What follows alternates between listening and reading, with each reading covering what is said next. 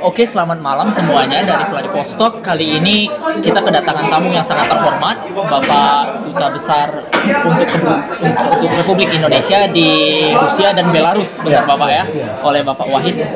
Uh, Bapak, ini mohon maaf, kita ingin bertanya uh, hari ini tanggal 31 Desember kemarin sebenarnya telah terjadi adegan berdarah di Papua dengan meninggalnya 31 orang dan ada kabar kalau misalnya banyak relawan-relawan dari gerakan separatisme di Indonesia lari ke luar negeri. Apakah itu betul Bapak? Mungkin sebagai pengalaman Bapak.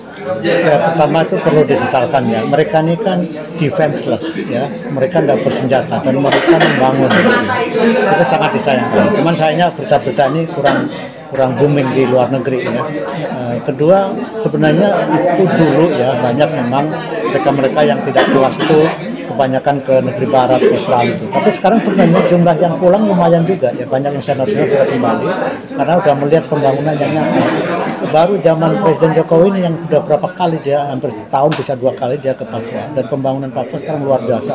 Karena memang selama ini bukan hanya di Papua, kekencangan di, di Indonesia Timur. Sekarang di NTT ya berbatasan dengan Timor Leste juga dibangun, bahkan di Kalimantan juga dibangun. Ya. Jadi memang uh, sebenarnya sekarang tuh alasannya udah enggak jelas lagi gitu loh. Ini kan semua kita ini negeri yang paling diverse ya. Tidak ada negeri yang se apa se diverse ya beraneka ragam seperti Indonesia 700 bangsa. Dan kita tidak mengenal mayoritas minoritas. Bahkan 28 Oktober 2019 28 kita sudah bersumpah satu bangsa satu negara satu bahasa. Negeri lain tidak ada.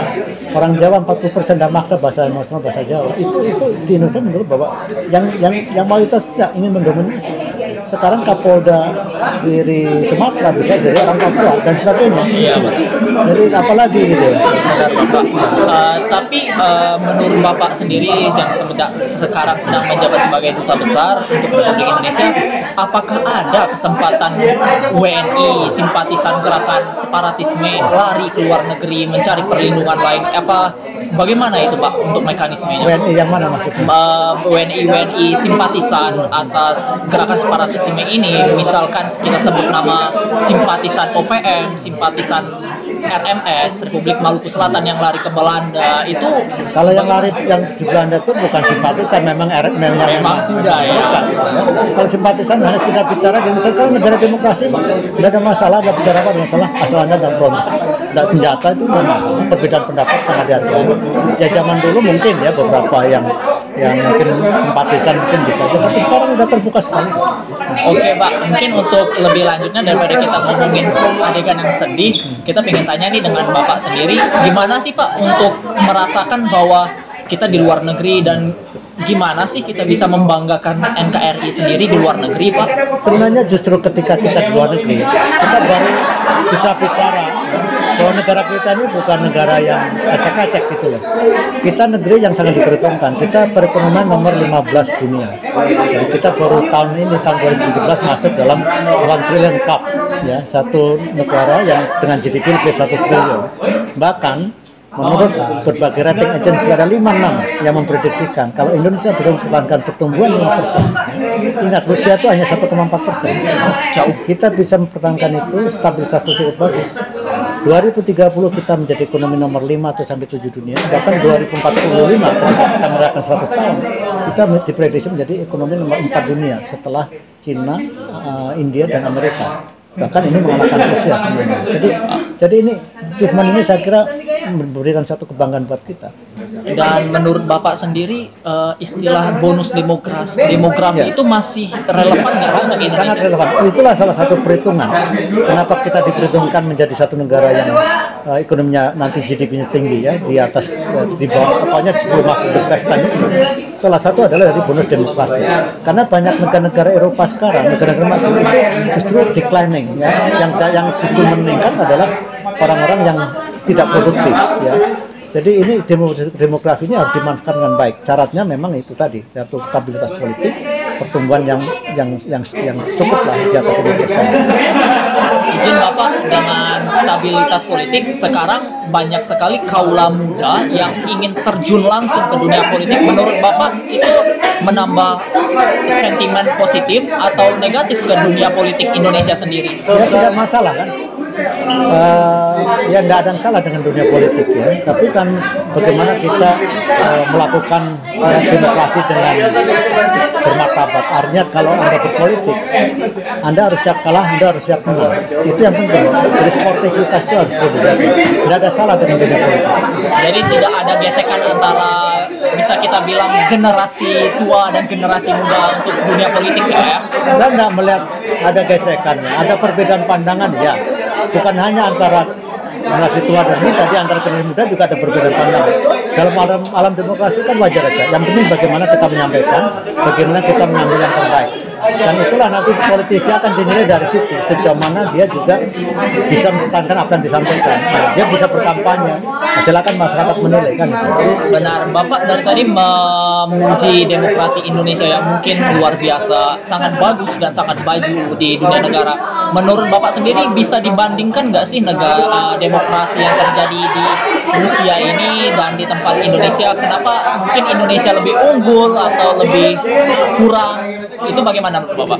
Eh, ya sulit juga ya karena masing-masing negara kan punya sejarah yang beda. ya. Jadi saya tidak ingin menyampaikan bahwa kita lebih bagus dari satu negara. Ya, Masing-masing punya kebanggaan, ya, punya sejarah latar belakang. Cuman kalau saya dari melihat dari sisi Indonesia, kita makin berdewasa.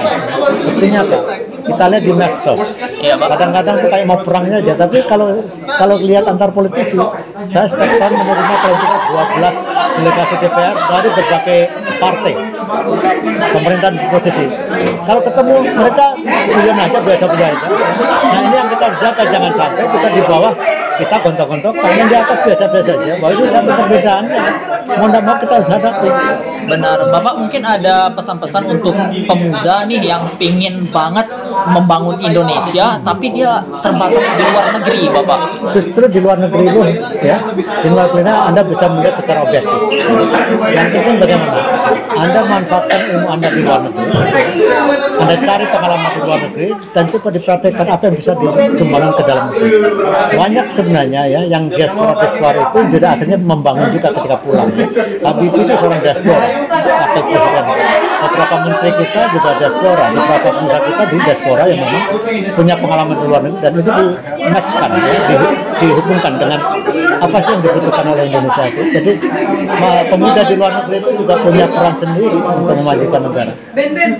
Pak, eh, mohon maaf Pak, Eh, untuk secara hukum sendiri, sepengetahuan kami, pengertian diaspora itu masih raju Pak. Eh, dan kita mengingat lagi di Rusia ada beberapa dulu mantan WNI yang terjebak dan tidak bisa pulang. Apakah itu termasuk diaspora juga Oh iya, iya. Dan sekarang mereka kan bebas pulang. Ya. Salah satu yang masih aktif Pak Profesor Yanto ya, di eh, Moskow, dia setahun berkali-kali ke Indonesia dan bahkan baru saja pulang dari Universitas Brawijaya menjadi ceramah ekonomi di sana.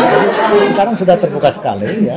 Eh, memang pengertian diaspora sendiri kan ada beberapa interpretasi ya. Tapi sebenarnya kita sudah punya beberapa patokan ya, mengenai siapa sih yang yang betul-betul diaspora itu. Dan saya sebagai kepala diaspora juga termasuk yang merintis ya bagaimana eh, diaspora itu menjadi satu kekuatan kita harus kita openin tapi juga kita harus mendengarkan apa yang di- dibutuhkan oleh mereka. Termasuk misalnya banyak tuntutan mengenai di, eh, di keluarga negaraan ini juga sedang dibahas bahkan sudah sampai ke DPR juga. Nah kenyataannya nanti ya kita tunggu gitu karena ini kan satu proses ya. Tidak begitu saja bisa kita selesaikan. Banyak juga mengenai eh, bagaimana mensejarkan karir yang dia sudah di luar negeri. Masa dalam negeri dia digaji harus turun golongannya misalnya. Itu banyak sekali lah itu kan satu dinamika yang baru. Ini mungkin Pak eh, guyon sedikit untuk teman-teman kita yang dengar.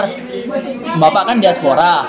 Gimana sih Pak cara mengatasi rindu atas Indonesia ketika Bapak lagi di luar negeri? kalau sekarang udah hampir tidak ada masalah tiap hari kita buka udah baca detikcom kompas semua semua yang ada di Indonesia kita tahu hari itu juga mungkin barangkali bagi lidah-lidah kita ini ya Iya, Pak. yang susah menyelesaikan itu makanan itu yang paling dirindukan oleh kita makanya begitu kita pulang ke Indonesia kita rakus tuh semua dimakan ya. nanti tahu-tahu kita kolesterolnya naik naik gitu kan Aduh, itu bahaya Bapak. makanan kita enak-enak tapi kadang-kadang nggak sehat Iya. Nah itulah plus minus. Di sini makanan nggak enak, tapi lebih sehat gitu ya. Tapi, Iya. tapi ya gimana kita memanage itu? Ini kan demi kesehatan kita juga. Ya. Berarti itu. Tuhan itu kelihatannya adil tuh, makin enak makin tidak sehat makanan. Contohnya durian ya, kan? Pak. gitu. Oh ya, bicara tentang durian Bapak bertemu dengan durian di Rusia. Oh iya, sangat mahal sekali. Pernah Masalah. di, bahkan di di festival Indonesia kan ada dijual durian. ya. Tapi Oh, iya. Eh, bisa melihat satu kilo 1.500 sudah kita tunggu aja ke Indonesia. Iya. Mungkin Bapak bisa cerita sedikit tentang festival Indonesia. Ya, ini festival Indonesia adalah eh, satu acara yang saya harapkan jadi acara tahunan, event yang tahunan. Jadi mulai dari 2016. Ini sebagai satu one stop shopping lah gitu. Di situ ada trade, investment, ada apa perdagangan, ada pariwisata, ada cultural apa performance ya. Ini dan tapi memang hasilnya itu luar biasa. Semua dari festival itu budaya kita naik, investasi naik, wisatawan naik, ini satu angka yang real dan saya melakukan mulai dengan pendekatan budaya. Karena apa? Kekuatan kita pertama budaya. Orang Rusia sangat menghargai budaya. Kalau anda lihat yang kita tampil di festival itu yang nabo gamelan kecuali yang nendang itu semua orang Rusia. Yang nari dari klasik gamyong sampai tari Madura itu adalah orang Rusia. Mereka menghargai budaya termasuk budaya kita. Kenapa kita tidak manfaatkan kalau kita lihat negara-negara lain menggunakan budaya sebagai alat untuk cari duit ya. Anda lihat Hollywood ya. Hollywood apa yang bikin Hollywood laku semua Iya. ada K-pop J-pop ya kan? Itu semua dari budaya tapi kita juga harus berusaha gimana mendatangkan keuntungan. Benar. Untuk terakhir Bapak pesan-pesan ke pemuda di Indonesia maupun di luar negeri, mungkin Bapak ada pesan-pesan terakhir untuk pemuda? satu pesan saya jangan lupa kita dengan Sumpah Pemuda 28 Oktober 1945 itu tonggak sejarah luar biasa. Sebelum Indonesia laut kita sudah menentukan satu bangsa dan satu eh, satu nusa dan satu bahasa. Itu luar biasa. Banyak negara lain berkelahi itu urusan bahasa kenapa mayoritas ingin memaksakan. Indonesia itu 70-40 persen orang bisa bahasa Jawa. Orang Jawa tidak maksa jadi bahasa nasional. Di beberapa negara India Filipina itu mereka masih lain akhirnya dipakailah bahasa Inggris untuk menjembatani. Itu kita sudah selesai tahun 28 begitu konservatif kita itu sangat berpikiran ke depan. Tidak memikir mayoritas minoritas tapi mana yang lebih terbaik? Akhirnya kita pakai bahasa Indonesia itu dari bahasa Melayu. Terima kasih banyak Bapak atas waktunya kami dari Project semua. Terima kasih banyak. Terima kasih Pak. oke